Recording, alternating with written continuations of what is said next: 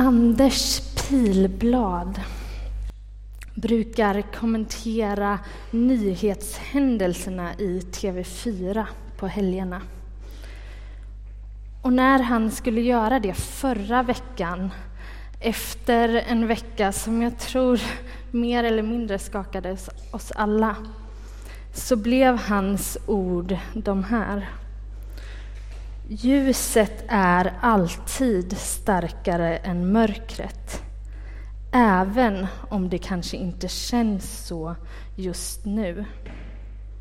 Det här är hämtat från Bibeln och det har jag burit med mig i veckan.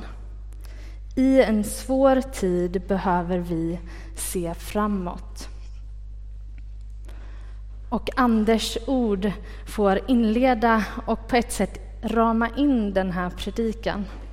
Då vi kommer att fundera på just det där att mitt i mörkret, mitt i det där som känns omöjligt, ändå bekänna det som är sant. Ändå bekänna med hjälp av Bibelns ord det där hoppet som vi tror att vi har. Och det här kommer vi göra med hjälp av Saltaren och specifikt med hjälp av psalm 13 som vi läste i början av gudstjänsten.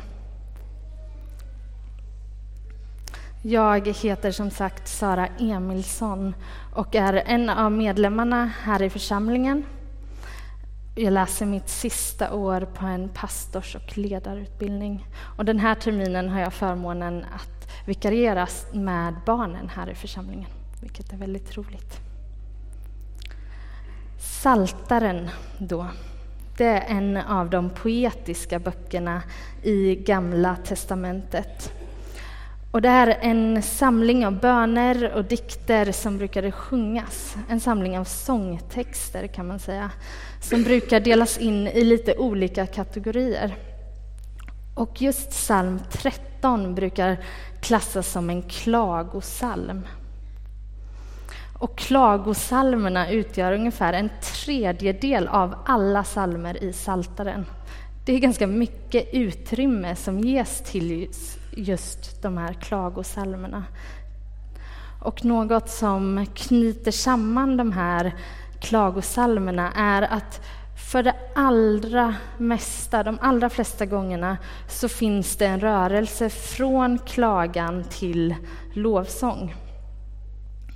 Och det där ska vi stanna lite kring. I psalm 13 så ropar David på hjälp. Han känner sig glömd, han känner sig inte sedd och han inleder salmen med några frågor som liksom anklagar Gud. Hallå, har du glömt mig? Gömmer du ditt ansikte för mig? Men mitt i det där, mitt i sina besvikelser, i sina tvivel, mitt i sina frågor, så vänder han sig till Gud med dem. Mitt i hans liv så ger han Gud förtroendet att få höra hur han faktiskt har det. Och bara det är ju en bekännelse i sig. Att han kommer med sitt liv och säger så här är det. Han till och med anklagar Gud med sina frågor. Han ropar i hopp om att få svar. Och så några verser senare så gör han det här valet av att lita på Gud, lita på Guds godhet, fast han inte känner det nu så verkar han förtrösta på Gud. Och förtröstan, det är ju ett sånt där ord som liksom kan ha flera olika innebörder och man kan lägga allt möjligt i det. Men här verkar det som att förtröstan handlar om just det där att säga precis som det är. Och att välja att oavsett det bekänna Gud som den han är. Att välja att vända sig till Gud och att välja att lita på hans godhet. Och salmerna är ofta så där brutalt ärliga med, eh, med känslor och med olika skeenden i livet. Men de är också ofta fulla av fantastiska bekännelser om Gud. Att han oavsett hur livet ser ut nu är värdig all ära och allt lov. Och det finns en nyckel i det där som jag tror är viktig för oss en dag som den här. Vi behöver lära oss att be sant om oss själva och om Gud. En känd teolog som heter Walter Bryggeman säger så här. The church should not be the happiest place in town, but the most honest place in town. Alltså kyrkan ska inte vara den gladaste platsen i stan, utan den mest ärliga platsen i stan. Och jag tror att han ramar in något väldigt viktigt med det. Vi som församling behöver vara en plats som präglas av sanning. Vi behöver vara en plats där hela våra liv får plats. Dit du som sörjer känner att du är välkommen och du får plats. Men också du som gläder dig eller du som är arg och besviken. Vi behöver vara en gemenskap som är ärliga och som är, precis som vår mission säger, öppen och generös. Dit, oavsett hur du känner, känner att ja, men kyrkan är en plats dit jag vill gå. Den gemenskapen vill jag finnas i. Och jag önskar att vi får vara en gemenskap dit jag, de dagarna då det är alldeles för mörkt för att ens få fram orden, känner att här får jag plats. Här finns det människor som de dagarna då jag inte får fram orden hjälper mig att bekänna, då de gör det åt mig. För vi behöver ju det där också. Vi behöver säga hur, hur det är, tala sant om oss, be sant om oss själva, om våra liv. Men jag tror också att vi behöver, som David gör i den här salmen, tala sant om Gud. Vi behöver tala sant om Gud och hjälpa varandra att säga att se i mörkret att Gud är ljus, att Gud alltid är nära oavsett hur det känns, att han är god, att han är nådefull och att han är den som har besegrat döden.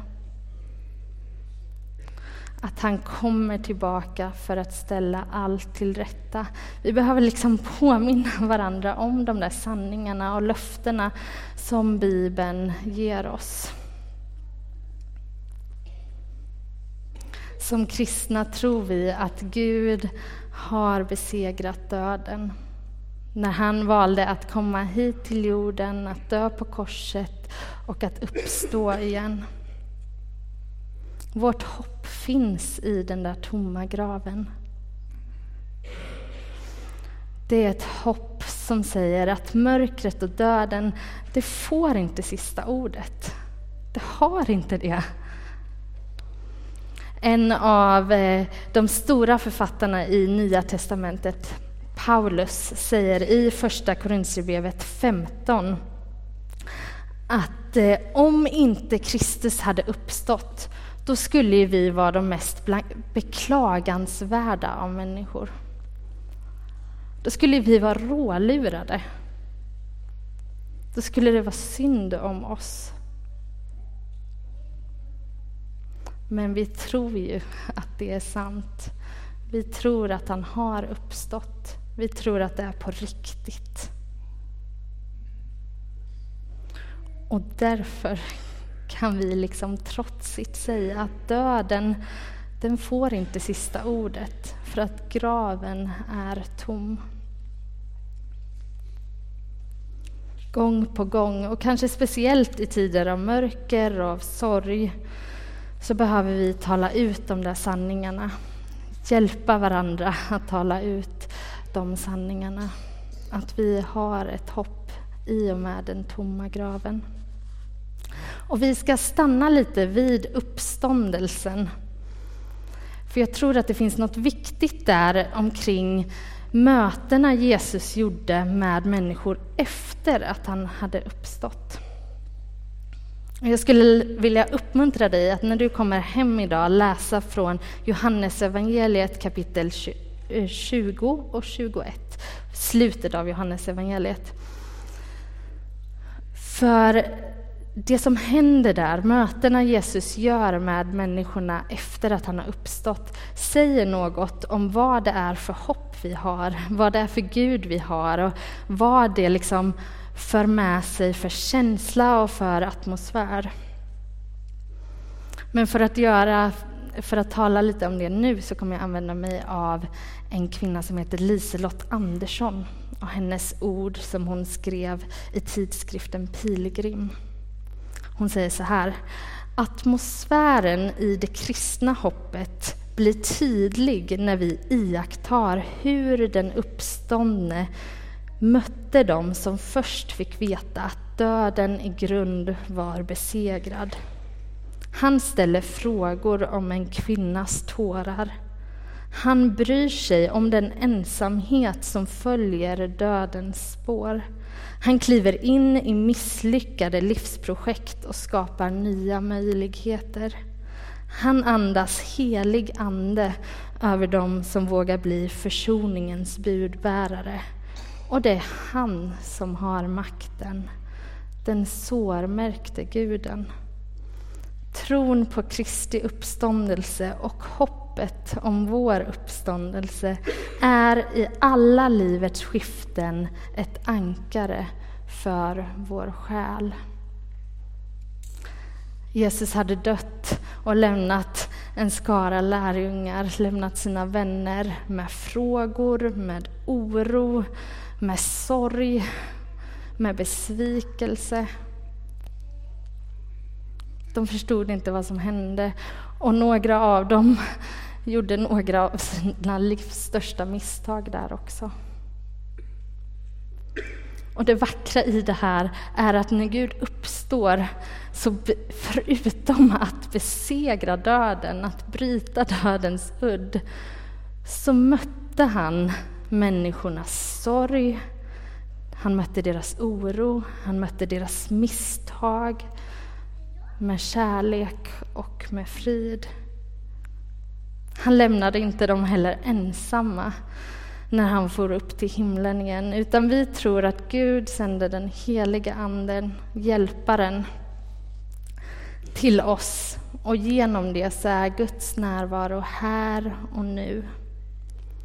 Anden kan få hjälpa oss att tro och få bekänna vårt hopp. Och det är det hoppet vi har, det är den guden vi har. Guden som tröstar, som upprättar, som möter människor mitt i deras liv.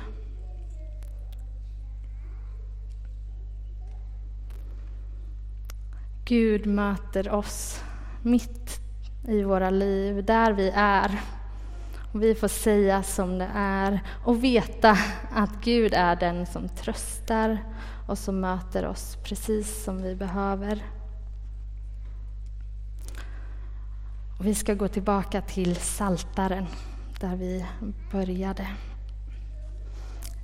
Och när en känd och god teolog talar om Saltaren, en teolog som heter N.T. Wright, så talar han om Saltaren som att ja, men Saltaren den hjälper oss att leva i spänningen mellan det som är och det som kommer. Saltaren hjälper oss att leva i hoppet mitt i paradoxerna.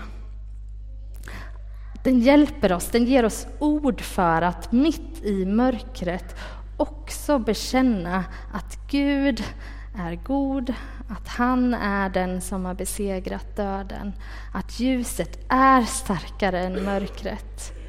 Saltaren ger oss ett språk för det där och visar att det där, de där båda sidorna av att ja, Gud har besegrat döden och ja, han kommer komma tillbaka och ställa allt till rätta igen.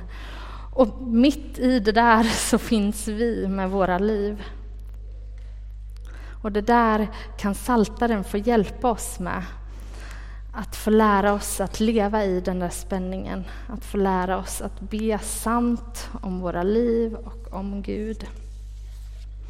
Och N.T. Wright beskriver också salmerna som förändringsagenter. Han säger att vi behöver se dem som förändringsagenter. Och med det menar han att när vi talar om Gud, när vi talar sant om Gud, så händer något i oss. Då formas vi. Att säga att Gud är god, att han är stor, att han är rättvis, det gör något med mitt hjärta. Och det i sin tur behöver göra något med hur jag lever mitt liv. Om vi säger att vi vill vara en öppen och generös församling, då gör det något med oss och det behöver göra något med hur vi lever som gemenskap. Vad vi gör. Och jag har två favoritexempel när det kommer till det här. Och de är extremt klassiska. Ni kommer säkert känna igen dem.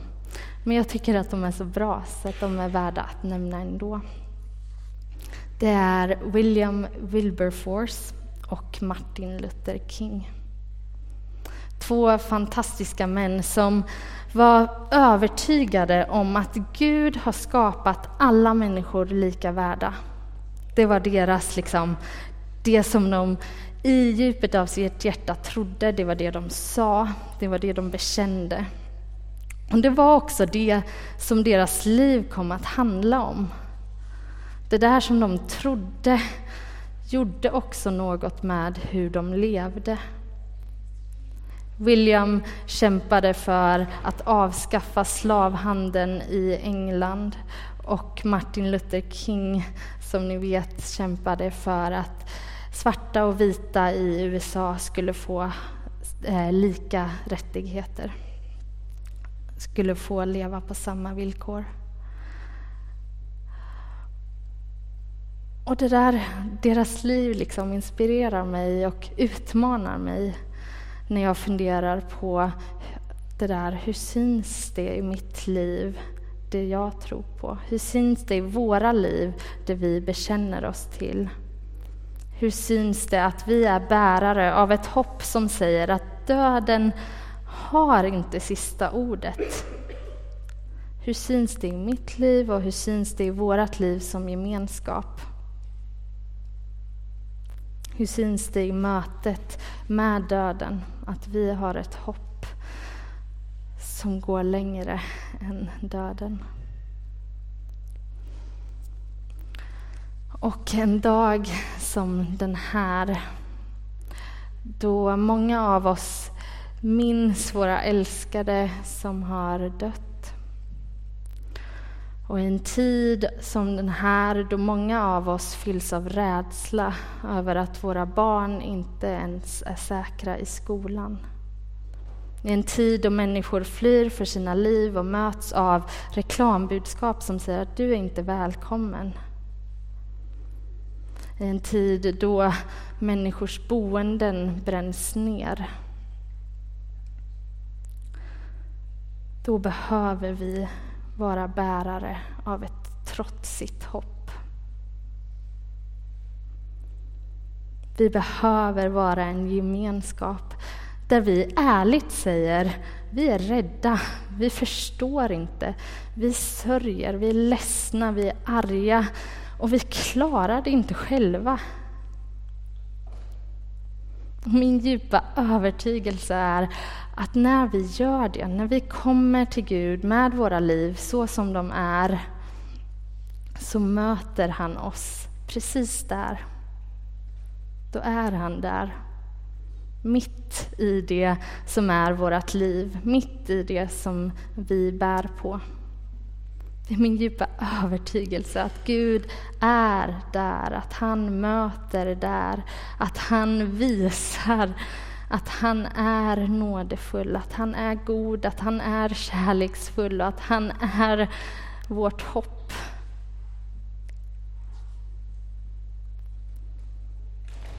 Vi behöver be sant om oss själva och komma och säga som det är.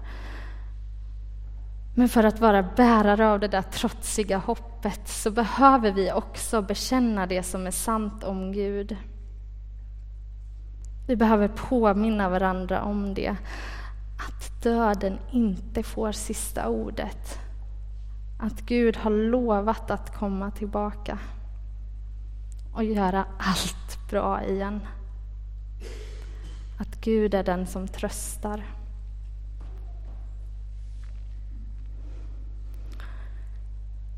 I och med Guds seger över döden och i och med hans närvaro hos oss genom Anden så kan vi trotsigt bekänna att det finns hopp.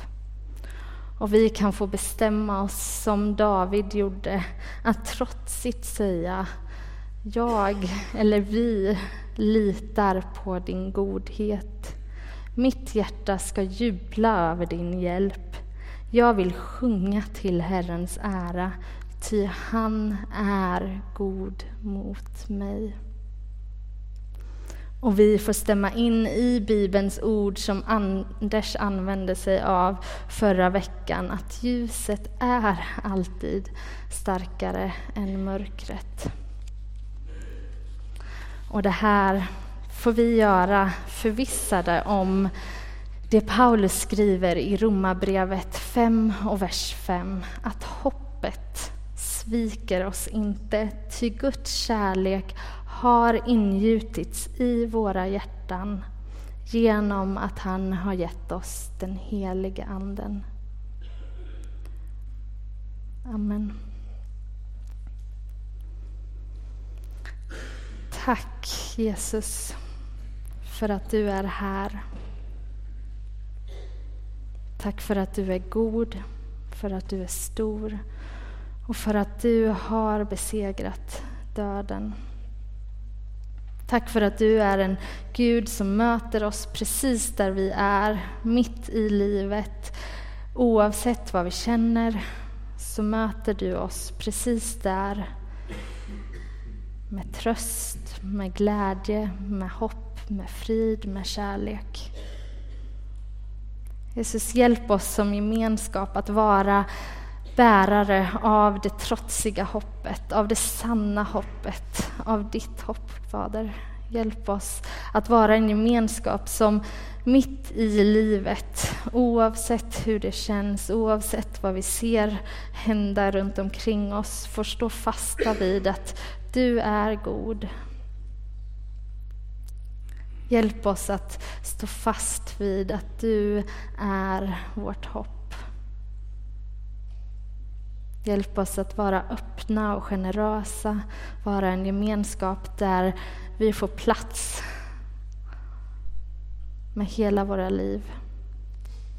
Och där vi får hjälp till att, att se sanningarna om dig, bekänna sanningarna om dig och formas av de sanningarna till att leva liv som liknar dig.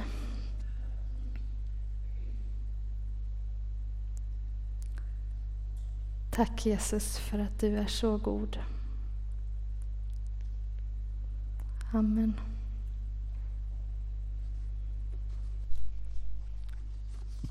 Mm.